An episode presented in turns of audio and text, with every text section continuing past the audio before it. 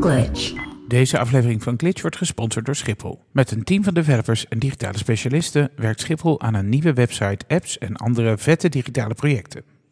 Wil je ook ontwikkelen voor Schiphol? Kijk op beta.schiphol.com slash developers. Maar is het dan nu al gewoonte dat we dat doen? Ja. Ja? Gaan we het altijd hetzelfde doen? Ja, tuurlijk. Ja? Is dat goed? Ja, dat is goed. Dat is ook consequent. Dat is een format. Dan blijft er een bepaalde lijn in, ja. Daar Hey. houden podcastluisteraars van. Ben je er ook bij, Joost, of niet? Vastigheidjes. Ja, Ja. Oké. Nou, gaan we het maar doen, hè?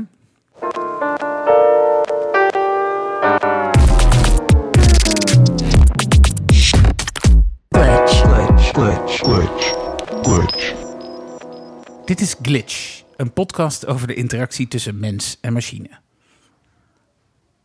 Wat zit je nou te knikken? Oh, dat jij dan gaat zeggen, ik ben Oh, Reinier ik ben. Reinier ik ben Joost Holthuis. En ik ben David Linsen. En we hebben vandaag eh, een nieuwe gast. Eh Hoi. Lennart Broers van Zeker. The Capitals. Eh The Capitals is een, eh, een appbouwer. Mag ik dat zo zeggen? Dat mag je zeker zo zeggen. In ieder geval eh, van oudsher. Ehm ik ben even aan het wennen aan het microfoontje. Ja, geef niet. Ehm, en nu eh, breder dan dat. Dus eh, heel erg uit de mobiele hoek gekomen. En eh, mobile first denken een beetje doorgetrokken eh, naar bredere dingen. Dus eh, andere touchpoints, ook websites, ook eh, nou ja, conversational UI is al voorbij gekomen in de podcast van gisteren. Dus eh, ook daar zijn we Hey, we bezig. luisteraar, hoor je dat? Yes. Goed, hè? ja, ja, huiswerk. Hartstikke goed. Hey, fijn dat je er bent. Ehm, eh, we gaan eh, straks met je verder. Maar ik wil eigenlijk eh, heel even beginnen bij... eh, wat was je highlight van de dag, Reinier? Mijn highlight was Surviving the Red Planet. En dat is een, eh, een het ging over eh, Mars, hè? dat is de Red Planet. Het, het ging alleen niet over Surviving the Red Planet, maar het was toch een leuk praatje. Oké, Ik ga er later meer over vertellen. En wat was jouw highlight van de dag, eh, mijn highlight was eh, Form Follows Me. Design for No UI in Experiences. Oké. Ja, Ga je er ook zo wat over ga ik zo vertellen? wat meer over vertellen. Ja. Oké, mijn highlight van de dag was eh, Fuck No, Shit Yeah, Damn Right. Een praatje van eh, Michael Neeling, een eh, creative director van Occupop. Die allemaal tips gaf aan eh, designers die zelf ook succesvol met hun klanten om willen gaan. En de, en de granola van vanochtend was ook een hoogtepunt. Mm, vooral die aardbeien erin. En de cocktails van vanmiddag. Kortom, eh, alle ingrediënten voor... Oh nee, we zijn hier niet op vakantie, sorry. We zijn op werkweek. Ehm, had je ook een tegenvaller vandaag, Renier? Ja, capture the data of experience. Daar ben ik weggelopen. Dat vond ik niet leuk. Waarom? Nou, het ging, eh, eh, eh, niet, ja, het ging nergens over eigenlijk. Eh, ehm, het, het, ik heb er een half uur gezeten. Het was trouwens ook, dat werkte ook niet mee, steenkoud in die zaal. Het was echt gewoon een vrieskast. Ik had mijn jas al aangetrokken en ik had het nog koud. Dus toen ben ik weggegaan. ben ik lekker met mijn, met mijn thuisbaas gaan facetimen. Ook goed. Ja, prima. Heb je ook al van die tegenvallers gehad, eh Lennart? Eh, nou, het valt eigenlijk best wel mee. Ik moet zeggen dat ik best wel leuke praatjes gezien heb. Degene, waar- ik ben nog niet weggelopen. Eh, wat ik tegen vond vallen was... eh, ik was vrijdag naar Obama. En Oh, dat leuk. was... eh, Was je ingelood? Ja. zeker. Ja. ik, heb nog, ik heb nog niemand ontmoet die ingelood was. Nee, het was heel vet. Ja. Alleen wel echt gewoon vier uur lang buiten staan wachten. Hmm. Zonder water, zonder eten. Ach, het is best wel eh Een afzien. soort, Guantanamo Bay te klein. Het was Ja. heel gevaarlijk. Ja. Hey, en wat vond je zo vet aan, aan Obama?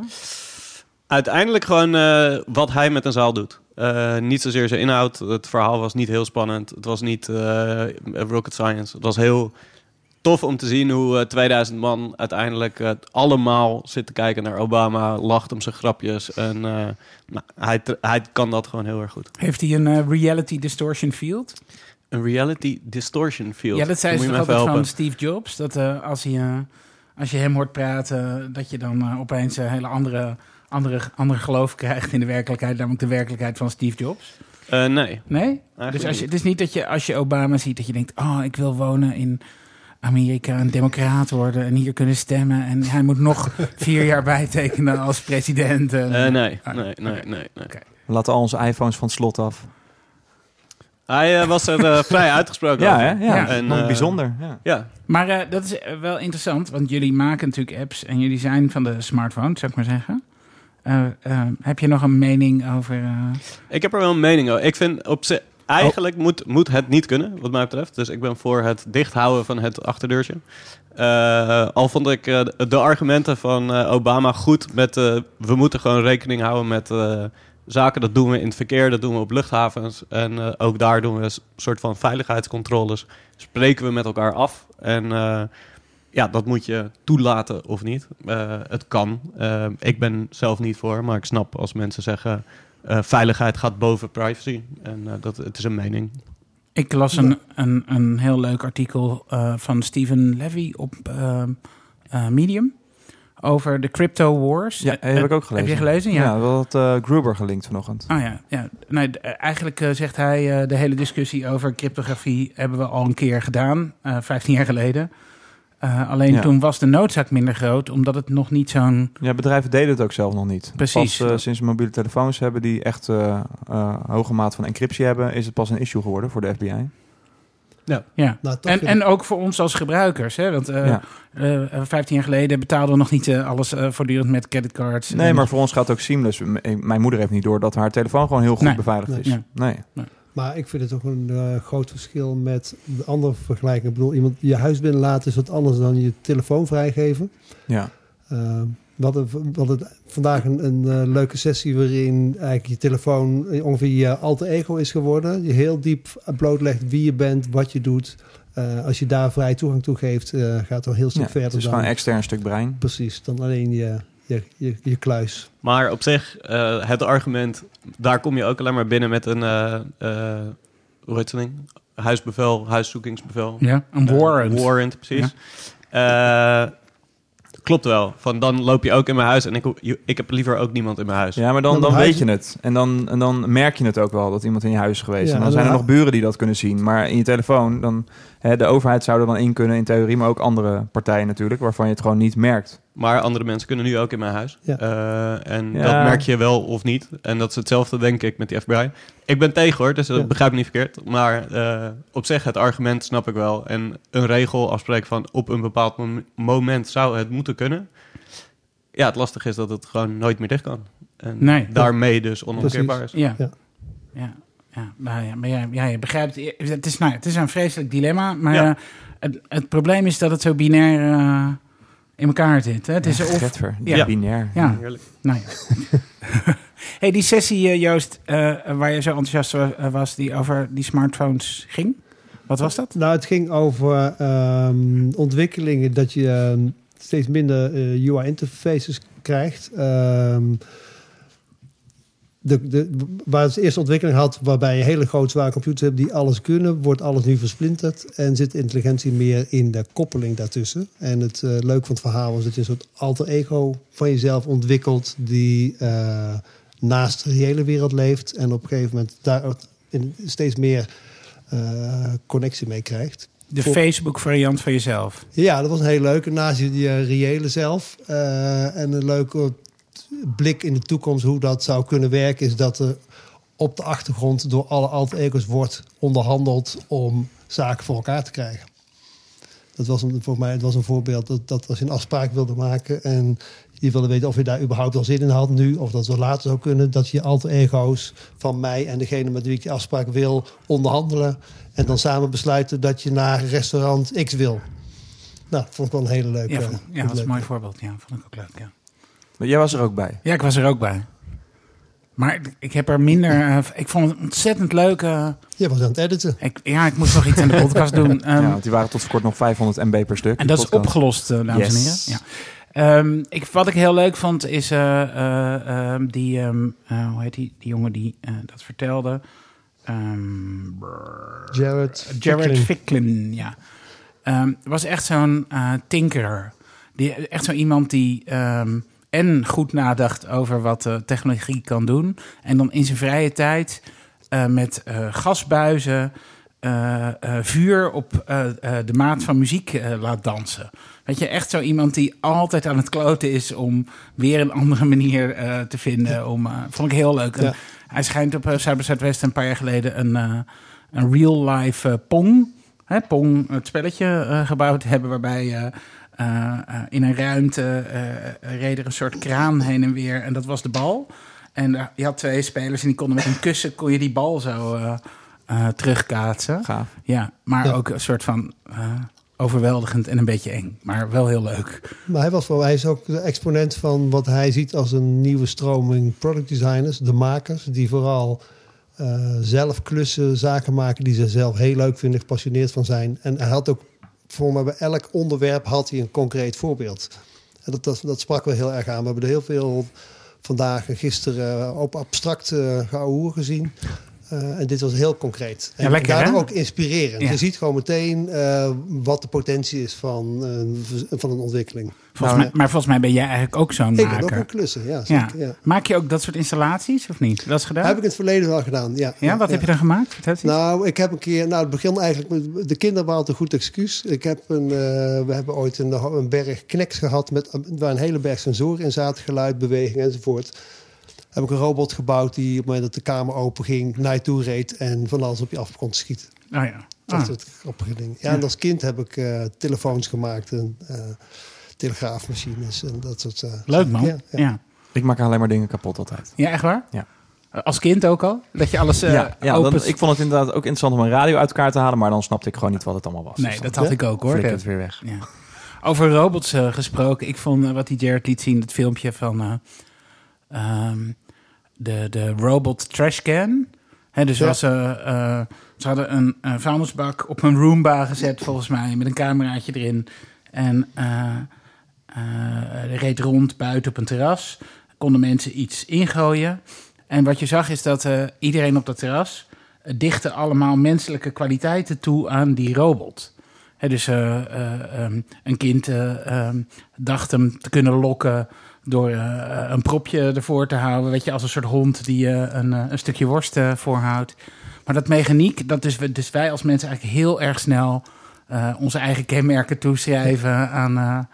dat vond ik fantastisch. Ja, en ook dat ze verwachten dat ze op een menselijke manier terugreageren. Want dat stond dat niet in dit filmpje. Stijn had eenzelfde verhaal eerder gezien vandaag, maar dan werd de persoon werd boos omdat de prullenbak geen bedankje gaf toen hij geholpen werd.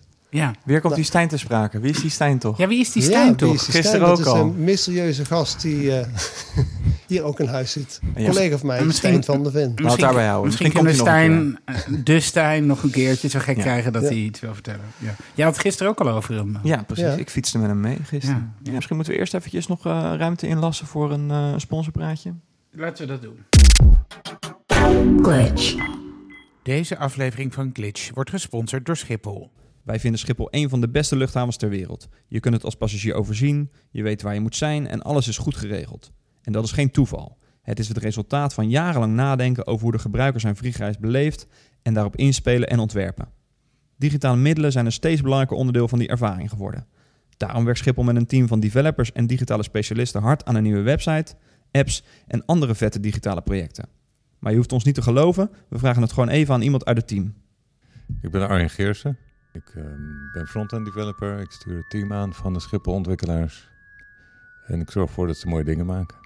Eh, het meest bijzondere is eigenlijk hoe eenvoudig we bezig zijn hier. Dus tegenwoordig is de trend in development om heel erg met webapps en hele geavanceerde JavaScript aan de slag te gaan. En hier zijn we gewoon een goede website aan het bouwen met HTML en CSS en basistechniek eigenlijk. En de kunst is om dan toch met moderne technieken daar kleine details eh, heel veel moois uit te halen. Denk dat je ehm, ja, wel een soort streven naar kwaliteit wil hebben, moet hebben. Dus eh, eigenlijk willen we kwaliteit hoog houden. Dus we hebben een heel veelzijdig eh, publiek natuurlijk. Dus dat, eh, dat zijn Aziatische talen. Dat zijn de mensen die wel of niet een muis kunnen gebruiken. Die wel of niet aan het haasten zijn voor een vliegtuig. Die kijken op een mobiel of een tablet. Een paar mensen kijken misschien vanuit huis. Dus je moet al die mensen een goede beleving zien te bieden. Kom eens kijken. Ja, kijk naar de broncode, peuter het uit elkaar. En, eh, binnenkort kunnen we misschien ook wel op GitHub wat dingetjes laten zien. Wil je misschien ook ontwikkelen voor Schiphol? Kijk op beta.schiphol.com slash developers. Zo, daar zijn we weer. Ehm, eh, wil je, Lennart, mogen we je wat aanbieden? We hebben nog wij, we hebben een traditie dat we elke dag eh, iets proeven, wat typisch eh, Texaans of uit Austin komt. Eh, dag 1 hadden we beef jerky, dus neem gerust eh, wat Heerlijk. beef jerky als je wil. Ja, daar verschillende meningen nogal over. Oké. Eh, we hebben ook bier met tamarinde erin van de, dat heet Renewal. Eh, dat vonden we ook eigenlijk zelf ook aan vervanging toe. Dus ik dacht, ik ga vandaag iets nieuws eh, eh, proberen. En dat is eh, kombucha geworden. Eh, heeft iemand van Ik heb jullie... wel- geen Nee. idee wat kombucha is. Nee. Ik zou niet eens weten hoe je het schrijft. Klinkt alcohol. Oh nee. Het ziet eruit als Ziet in fruitsap. die, eh, Je moet schudden. Pas op. Ja, moet ik echt schudden? kijk op de bodem. je hebt van die kombucha. power drankjes toch? Met dit eh Ja, het, kombucha. het is een ginger. staat er. geheel, Ja, dat vind ik eh, lekker, ja. ginger. Geheel, geheel eh, natuurlijke, Ja. inderdaad een powerdrank die gebrouwen is eh, uit allerhande ingrediënten. Het is, een, het is, ja, wat is, het, het is, een, het is geen iced tea, eh, maar het, is, het moet je kracht geven. Ik geloof niet zo'n powerdrank. Als het niet op de dopinglijst staat, dan is, heeft het natuurlijk verder geen invloed, dit eh, spul. Sharapova gebruikte dit ook gewoon. Oh, ja, dan, eh, ja. dan geloof ik wel. Ja. We hebben twee smaken. Ja. Ondertussen pakken we het even uit. Het is, eh, het is wel ehm, een beetje hippie-stijl. Hippie-stijl. Oh, eh. Oh, ik had dus het wel geschud, maar dat was niet de bedoeling. Nu zit Joost helemaal onder. lekker handig, eh, jongens. Gaat goed. Zo, zullen wij ondertussen... ik, schenk gewoon een beetje in. Hoe noemen jullie dit? Kombucha. Ja. En dit is, dit is eh, de hopt variant, dus dat zal wel met Oh. hop zijn. Kijk, ik geef jou eerst de gast het eerst. Heerlijk, dank je. Is het met alcohol? Nee, Oh, oké. nee. Ik dacht... Je geeft er gewoon uit zuinigheid gewoon maar een heel klein beetje. kijk, maar dan kunnen we- Oh, dan moet ja, delen. het is met, met probiotica erin. Antibiotica. Nee, probiotica. Oh, dus het tegenovergestelde. Ja. Anti-antibiotica. Anti-antibiotica. Kijk eens, Het ruikt wel medicinaal, vind ik. Zeker. Maar het moet ook iets voor je doen. En zoet. Oh, oh ja, oké. Het moet iets voor je doen. Nou, dan ga ik. Dus Nou, ik vind het meevallen. Wat, wat is dat? Meevallen? Wat proef Ja, je? dat het niet vies is of maar zo. wat proef je wel? Een beetje een zuurtje. Ik proef niet heel veel gember. Of was Nee, dat was die ander. Die gember. Appelsap. Deze is- Ja. Ja, Als precies. je ruikt, lijkt het alsof je een blik perziken leeg drinkt. Ja, het, is, het Ja. heeft een, een hele fruitlucht inderdaad, ja. Ja. Nou, prima fris drankje. Ook ik vind het heel lekker. Oh, dat, dat ook echt. Nou, ik vind het wel weer een beetje als gisteren. nee, een beetje galsmaak. Nee, ik vind het helemaal niet. Ik vind Dat het heel lekker. erin. Dat, Ja, vind je, Gezond. gaal, is- gaal is bitter hoor. Ja, zuur Ja. en bitter. Nee. Nou, dit is ook een beetje bitter. Zullen we die ander ook nog proeven? Of, eh? En mijn gal is altijd Ja. zuur. Want ja, zullen we doen? Maar dan moet je dus dit opdrinken, want eh ja, Oh, ja. in hetzelfde glas. Ja, ik ook. Ja, ja, ik ook. Je vond het heel lekker, Nee, ik vind het ook Ja, echt heel lekker. is vandaag geen probleem met helemaal opeten of drinken van het spul. Nee, andere is met gember. Een beetje onbestemd nasmaakje, moet ik zeggen. Ja, Je moet wel bedenken dat het hier eh, een soort van 9 maanden per jaar 40 graden is. Dus ik kan me wel voorstellen dat je dan eigenlijk niet genoeg frisse dingen kan Dat is alles lekker, bedoel je. Ja. Zo. Reinier ook nog? Ja. Gezellig. Vind je het al gezellig? Eh, Ik vind het reuze gezellig. ja, leuk hè? Ja, drankjes proeven. Hey. Goed, goed wals. eh Oeh, Nou, die ruikt inderdaad wel goed Gember. naar gember. Ja. gembersap. Gember vind ik lekker. Oh, deze vind ik veel lekkerder. Ja? Ja. Awaken your energy. Ja, deze is ook niet zo En die eh, gember past beter bij de wat Dit is de, smaak. dit is de, Ja. de Buddha's Brew. Awaken your energy. Nou, dan komt het. serieus gember. Ja. Ja. Goed voor je stem. Oh, lekker. Oh, lekker. Oh, dit vind ik echt Ja, heel heel. lekker. Goed, nou. Kunnen we er weer tegenaan. Ik kan dit wel drinken als ik in een eh, stoel zit en me niet meer voortbeweeg verder. Hey Lennart. Ja. Ehm, dus Obama was je hoogtepunt tot nu toe? Ehm, eigenlijk niet. Ik vond die eh, conversational commerce eh, van in de ochtend eh, van gisteren heel erg goed. Eh, ik vind die medium post echt eh, te gek. Was soort van. eh, ik vond sowieso het Wacht panel even, heel je moet- goed. Je moet even die medium post. Ja, precies. Nee, ik ga hem nu toelichten. De vier panelisten vond ik heel goed. Gewoon alle vier. Gewoon de CTO van WeChat. Dat, ja, dat is gewoon een soort van legend. De mevrouw van Lark, die al jaren bezig zijn met goede dingen. Ehm, de meneer van Uber inmiddels, eh, die conversational commerce geclaimd heeft. En nou ja, het laatste jaar een beetje groot aan het maken is. En een nou ja, voor mij onbekende investeerder. En ik vond eigenlijk van tevoren was ik eigenlijk bang dat het heel erg tegen ging vallen. Want Ja. het kon alleen maar tegenvallen omdat het precies was wat ik hoopte. Zeg maar, ik hoopte dat het echt heel tof zou zijn. En Dat iets heb ik elke keer, met elk praatje heb ik dat. Ja, heb ik En ook, meestal ja. valt het dan tegen. Altijd. eigenlijk. panels zijn Ja. wat verdacht. Nou, precies, zeker. Ja, Ja. ik vind meestal panels heel slecht. Eh, en helemaal als het over iets heel inhoudelijks is, waar mensen echt iets van moeten vinden. Eh, maar zij vulden elkaar heel goed aan. En eh, de meneer van WeChat eh, was een hele nuchtere, eh, bescheiden Chinees. Die eh, niet uit zichzelf begon te vertellen wat hij allemaal gedaan had. Maar ja, het was wel duidelijk dat hij de rockstar van het panel was. Ja. Eh, en dat eh, was wel vet. We, we hebben het er gisteren ook al uitgebreid over gehad. Maar wat gaat dat conversational eh, voor jullie als de Capitals betekenen? Nou, wat ik heel... Wat de soort... ehm, ik vond het... Het meeste wat ik erover teruggehoord heb... Ik heb niet alles teruggehoord van jullie uitzending, maar... ik vond hem nogal groter, zeg maar, dan... het is echt van utility naar service voor iedereen. Voeg eh, Vodafone toe aan mijn, aan mijn WhatsApp... omdat ik nu hier ben en geen eh, mobiel bereik had gisteren, letterlijk Ja. om gisteren eh, Vodafone te bellen en te zeggen dat ze mijn data roaming even moeten fixen, is echt nog wel een dingetje. Dat Ja. valt helemaal niet mee. Als ik dat in een chat had kunnen doen, had ik dat dolgraag gedaan. En ik, die persoon, vind ik, dat, dat had het gewoon moeten zijn. Het voelt voor mij gewoon, het zijn twee dingen. Dat de dienst is op de plek waar ik ben, dus binnen mijn Messenger of binnen mijn soort van Facebook, WhatsApp, eh, WeChat. En dat zij mij normaal gaan beantwoorden. En de andere is een beetje hetzelfde als die robot. eh, dat de robots of de AI of degene die beantwoordt... heel veel dignity krijgen en heel veel respect... eh, terwijl het geen persoon is. Ja. Ja. Maar is, is het, kijk, want ehm, is het niet ook eh, dat als bedrijven gewoon goede service zouden bieden en eh, eh, snel de telefoon op zouden nemen en eh, dit soort service niet als ze gewoon een kostenpost zouden zien, maar gewoon als een reden om je te onderscheiden van andere bedrijven, of een manier om je te onderscheiden van andere bedrijven, dat jij dan niet zo'n drempel zou hebben om Vodafone te bellen? Want het bellen van een nummer is natuurlijk helemaal niet heel veel eh, moeite. Maar hoeveel mensen bel jij echt? Zeg Maar ik bel eigenlijk bijna nooit iemand behalve zakelijk. Ik ook niet. Ehm, ik eh, sms mijn vrienden tegenwoordig, of WhatsApp mijn vrienden. Eh, daar spreken we af. Eh, dat is hoe ik communiceer. En dat is kennelijk hoe het. Kennelijk vind ik het toch een stap om tegen iets te gaan praten, of het nou een telefoonlijn is of niet. Eh, en voelt het fijn om eh, het in een messenger te doen? Maar heeft, heeft het niet ook te maken dat die dat ze aan de andere kant van de lijn gewoon ook niet goed connected zijn? Je moet alles uitleggen, ze kunnen eigenlijk niks. Eh, als dat veel beter zou zijn, voor mij, ik mijn Je bedoelt de helpdesk van Vodafone? Maakt niet uit welke helpdesk. eh, op een paar uitzonderingen daar gelaten. Meestal kunnen ze niks. eh, blijven ze. eh, moet je ze alles Ja, tien keer houden ze zich uitleggen. vast aan het script. Precies. Ja. Ja, Maar dat doen ze ook in een chat waarschijnlijk. nou, voor, nee, ik denk dat als je die, de intelligentie van een, een chatbot ook aan de, aan de telefonisten voorlegt, dat die perfect een verlengstuk kan zijn voor iemand die dat shit net een te hoge drempel vindt Ja. of daar niet uitkomt. Maar- en in een chat kun je ook iemand anders doorschakelen. Dus je maakt ook voor jou als persoon niet uit met wie je chat. Je, halverwege de chat zou iemand anders ook gewoon met je Ja. kunnen chatten die er wat meer verstand van heeft. Dus dat kan je aan de achterkant denk ik ook wat meer verspreiden dan de vragen. Ja, maar aan de andere kant denk ik, eh, eh, het organiseren van service, ook met mensen, eh, kost misschien wel moeite. Maar het organiseren van service met AI kost ook moeite. Dus Ja. het begint met dat bedrijven moeten bedenken dat het belangrijk is.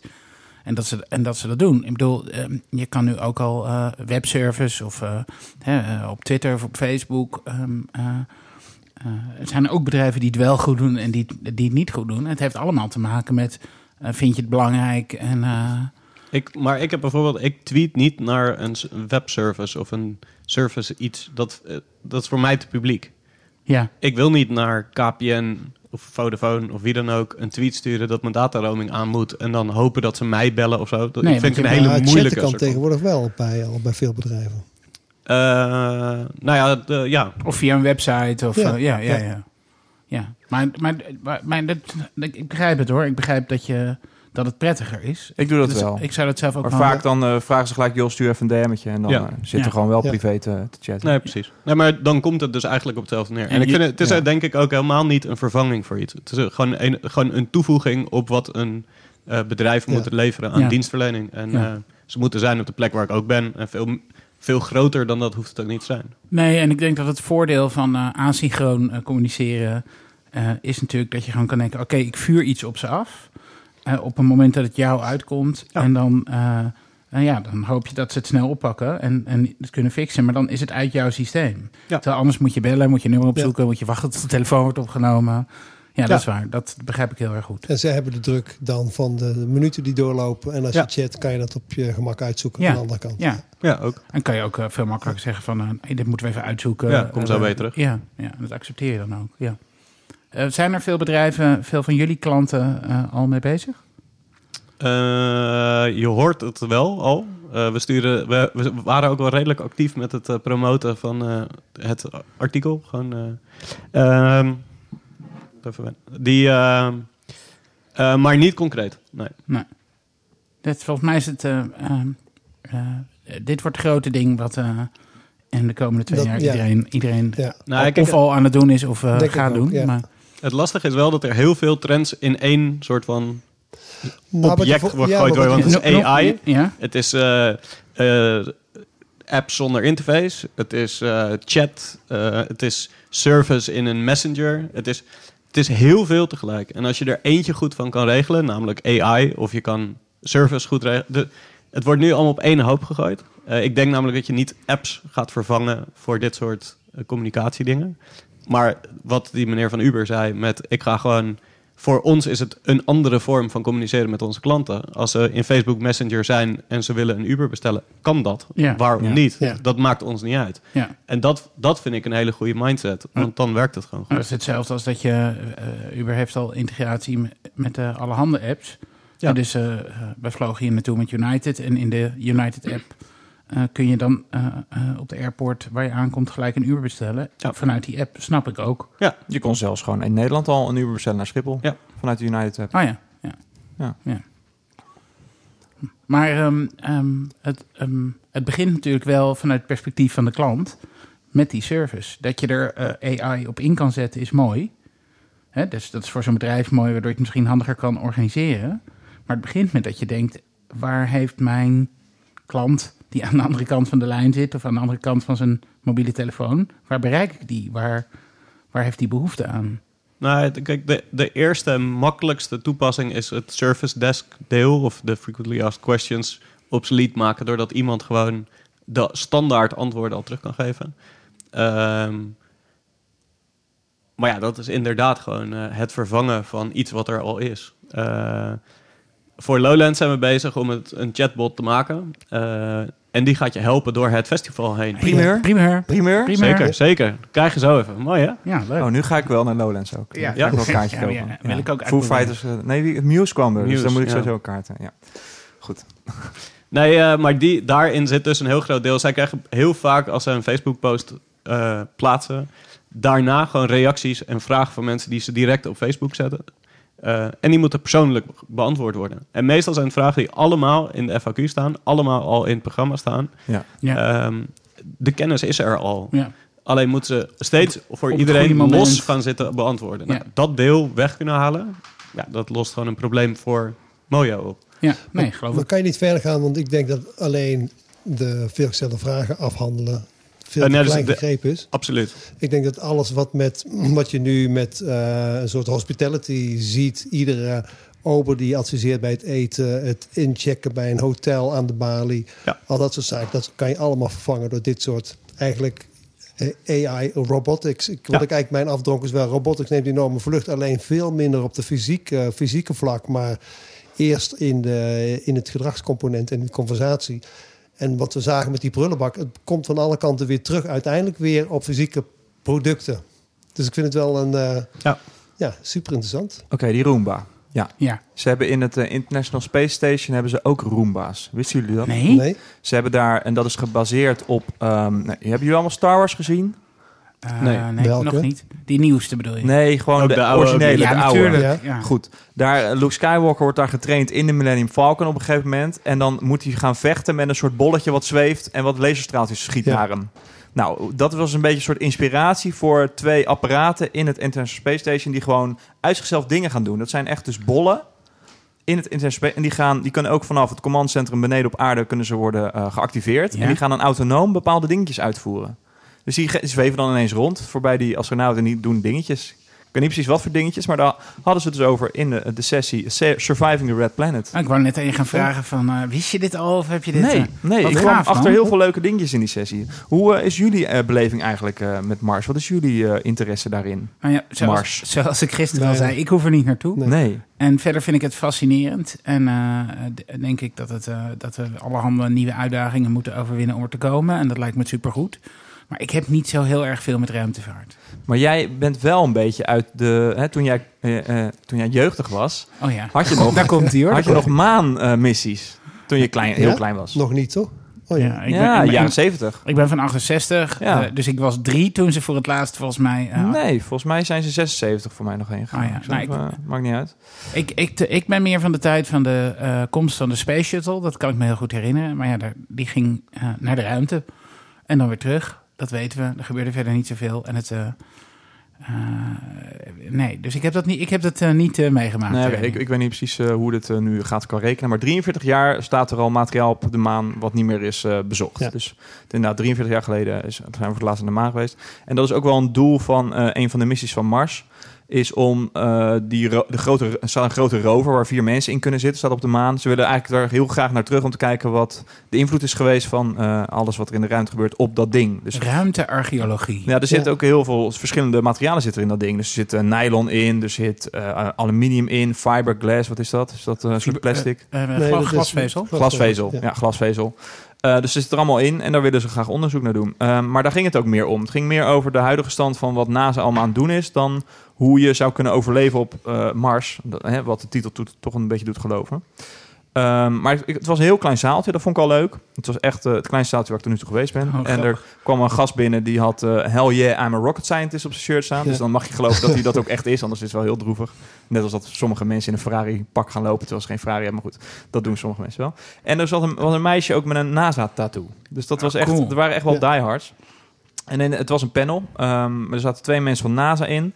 Er zat één eh, science fiction eh, artist in. Dus die maakte allemaal tekeningen bij een science fiction ding. Hij had ook meegeholpen aan Star Trek, Space, Deep Space Nine en Voyager. En, ehm, en het ging ook een beetje, dat, was een beetje de insteek, maar dat kwam er niet helemaal uit, over eh, hoe beïnvloedt science fiction de NASA en hoe beïnvloedt de NASA science fiction. Nou, dat was op zich wel, net gaf ik al een voorbeeld van die Star Wars dingetjes.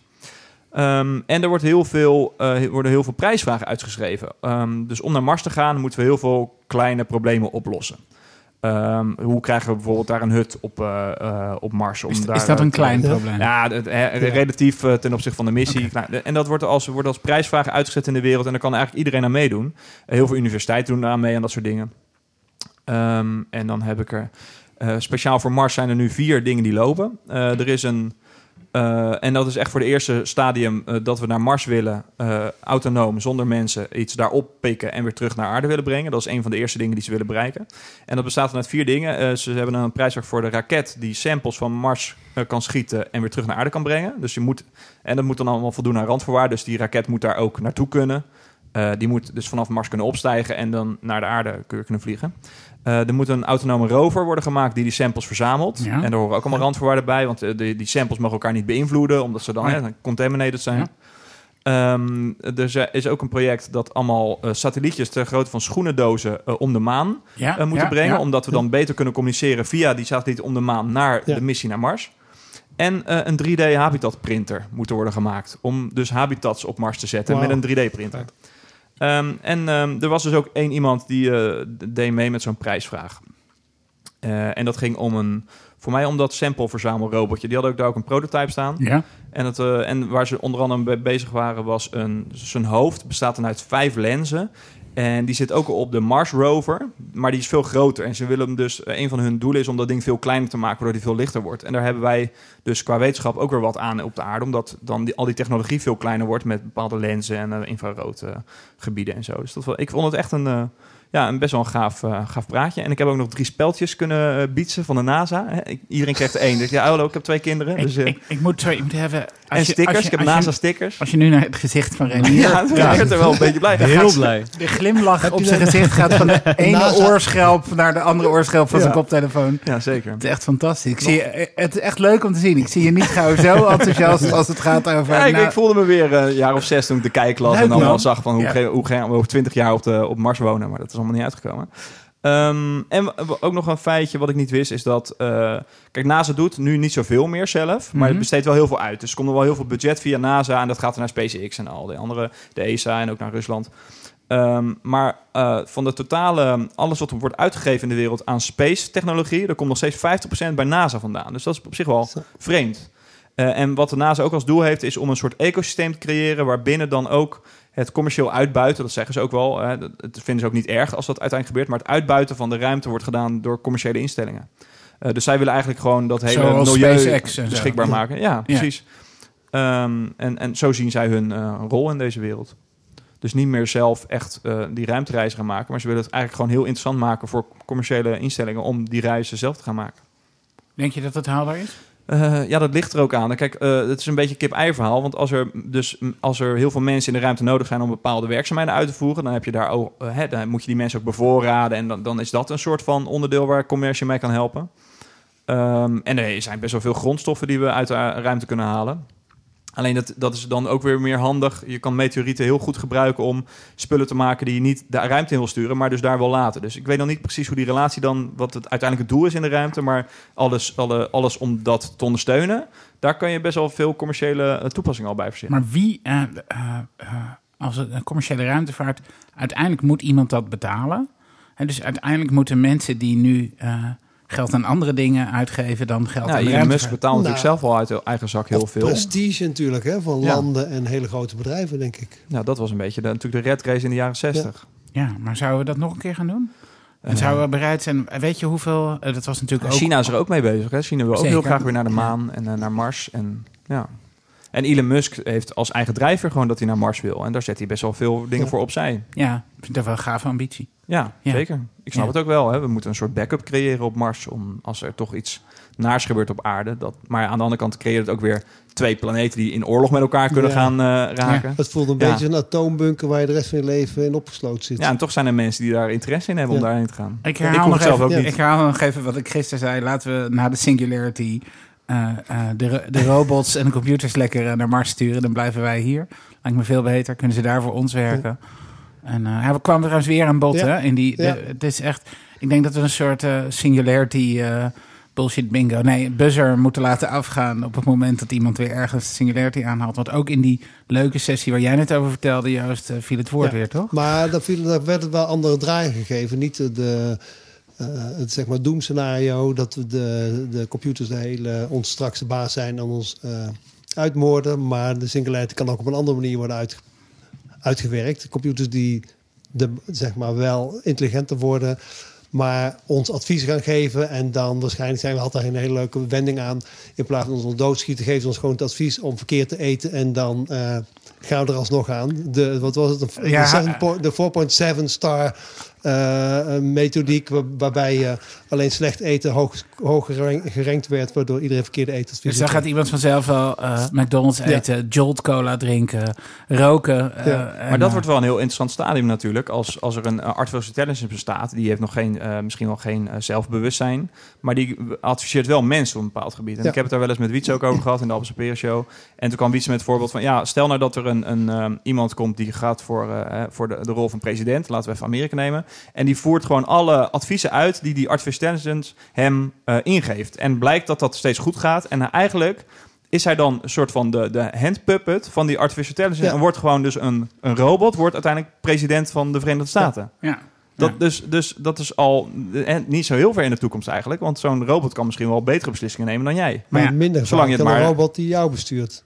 Dat was ook was het vandaag eh, eh, die, in die sessie over ging. Dat als je steeds meer afhankelijk wordt van je, je alter ego, Ja. die digitale alter ego die voor jou beslissingen neemt. En als die een eigen leven gaat leiden of verkeerd gestuurd wordt, dan heb je daar direct eh, schade mee. Ja, maar als het eh, uit eh, hè, garanties uit het verleden bieden... Nee, het resultaat uit het verleden bieden geen garantie voor de toekomst. Maar als je toch steeds eh, dat hebt gedaan wat die artificial intelligence jou heeft ingegeven... en dat blijkt steeds goed te zijn... dan heb je natuurlijk wel eh 100% vertrouwen op een gegeven moment in dat ding. En dan blijf je ook gewoon doen wat hij zegt. Ja, tot blijkt dat roken toch niet zo gezond was. Totdat ja, blijkt, ja. ja. Ja, het gaat misschien ook om lange Ja. termijn, korte termijn Ja, weer. En, ja. totdat blijkt dat die test, die zelfrijdende Tesla jou eh, van een cliff Ja, ja, die was ook Of, bij. eh, Ja. Ja. Hè? Maar dat kan je niet meer navertellen, dus niemand weet eh, wie schuld het was. Zou Elon Musk misschien ook een keer van een cliff af gaan rijden? Net als de, de oprichter van de, van de Segway, die ook ja, gewoon de, Ja, ja. de cliff af is gegooid. Misschien was die, was die De Ja, Segway dus- was gewoon heel zelfbewust. slim. De eerste zelfbewuste Segway was Ja. dat. Oh, tijd voor, eh, tijd voor eh, een sponsorbreak. glitch, Glitch wordt gesponsord door Eden Spiekerman. Eden Spiekerman is een supergaaf designbureau uit Amsterdam en ze zitten ook in Berlijn, Los Angeles, Singapore en waar al niet meer. En ze zijn op zoek naar mensen. Joost, naar wie zijn jullie allemaal op zoek? We zijn op zoek naar een eh, jonge hond met 1 tot 2 jaar ervaring in branding en digital. Eh, een echte creatieve waaghals die al eh, zeker drie keer hard op zijn bek is gegaan. Eh, als je denkt dat je daaraan voldoet, of ken je iemand uit je omgeving, heb je een gouden tip. Dan word je beloond met eh, een aantal Nederlandse biertjes en Duitse worsten. Eh, je kan je aanmelden eh, en de vacature uitgebreid lezen op de website van idenspiekerman.com slash jobs. En daar zijn we weer. Ehm, eh, Joost, eh, wat zei je nou? Mind control? Ja, Mind Control Interfaces, mijn laatste sessie van vandaag. Ja. Was een, eh, Dat is een interessant. was Daar had je het heel over. leuk. Klein zaaltje, een beetje, eh, een beetje scharrige presentatie. Daardoor wel leuk. Twee jongens die van, even kijken, een designbureau in Londen, Mr. Displays, hebben geëxperimenteerd met mind control interfaces. Hartstikke leuk. Wat je, de resultaten, hoe het werkt, even heel kort, hoe werkt dat? Je zet een, eh, een device op je hoofd. Eh, dan, die meet je hersengolven. Eh, het apparaat leert aan de hand van een stel vragen. Krijg je nou zo'n badmuts op? Met Nee, nee, van het die- is echt. Dat is bizar. Het, ik heb een, het is een heel simpel. Het lijkt een beetje als een headset. Eh, het kost nog geen 100 dollar. Wauw. Eh, het meet je, je hersengolven, zet om een 1 en 0. En aan de hand van een, van een vragenlijst wordt die geëikt. Kijken ze wat, wat dat betekent. En eh, vervolgens kan je met die eh hersenpatronen, als je een bepaalde gedachten hebt, kan die acties ondernemen. Het is nog heel primitief. Wat ik nu zag, het is een beetje aan-uit knop die je kan bedienen. Hadden ze een live demo? Deden ze het zo? Nee, wel een filmpje laten zien. Ah, ja. Wat ze hebben gedaan voor BBC op een, eh, eh, een tv-interface kwamen films voorbij en de headset kon zien of jij die film leuk vond en wilde bekijken. En dan stopte die en dan begon hij vanzelf te spelen. Heel veel verder komen ze nog niet. Ze hadden wel de vervolgstappen om dat verfijner te doen, maakt het wel wat verder weg. Eh, de stap daarna is zo'n badmuts met gel en, en, en eh, plakkers op je hoofd. Dan kan je veel beter meten. Of een implantaat, vrij klein in je, in je hoofd, waardoor je... Daar gaan we hoor, jongens. Ja. Huh? Ja, toch bio. Deden we 15 jaar geleden ook al ja. voor de Maar dan, als je dat kan, dan kan je in principe veel meer eh, eh, informatie, de patronen veel nauwkeuriger meten. En dan kan je ja, de beweging eh, suggereren, je kan ergens naar wijzen enzovoort. Ja, het was heel. Er, in Nederland is, heeft ehm eh, Rhinofly, wat nu Caliber heet tegenwoordig, heeft er ook een project mee gedaan. Dat was een inzending ook voor de Spin Awards. En dat was voor Centraal Museum. Ik weet niet precies wat voor museum dat was, maar dat was een hele installatie ook waar je ook zo'n ding op kreeg. En dat heette toen Breinreis. En dan, eh, dat, dat eh, zette ook je hersengolven om in een soort eh, surrealistische wereld. Dat was hoorde bij de tentoonstelling. Kon je, naar je... Oh, nee? Ja. Werkte dat niet zo? Nee, ik heb, ik heb het, voor mij was het op- bij een bijeenkomst van DDA eh, vorig jaar. Oh ja. kon, je dan, kon je naar je eigen hersengolven Maar goed, dat was al begin 2014, dus het zal Maar al, ondertussen veel het is wat ik mooi vond. Het is zo eh, low-tech en eh, simpel. Iedereen kan daar gewoon mee aan de slag. Ja, 100 En- dollar dus. Ja, 100 Ja. dollar. De software is volgens mij ook open source. Maar je moet Eh, dus wel kalibreren. Dus je, moet, ja, eh, je moet kalibreren aan wat, dingen wat, wat de standaard wel in zit om te kijken. Ben jij in, eh, je kunt emoties makkelijk, vrij makkelijk lezen. Ben je in, in rust of ben je actief? En als je actief bent, ben je Oh, nog ja. aan het zoeken. Ben je in rust, dan heb je, heb je blijkbaar je keuze gemaakt. Oké. En de, de waarde en de, zeg maar, de kracht zit erin om dat te combineren met de context. Dus als je weet waar je bent, wat je doet... en de context op een of andere manier weet te detecteren... en dan die hersengolven daarbij te plaatsen... dan kan je daar hele slimme dingen mee doen. Spannend hoor. Ja, heel spannend. Ja. Ja.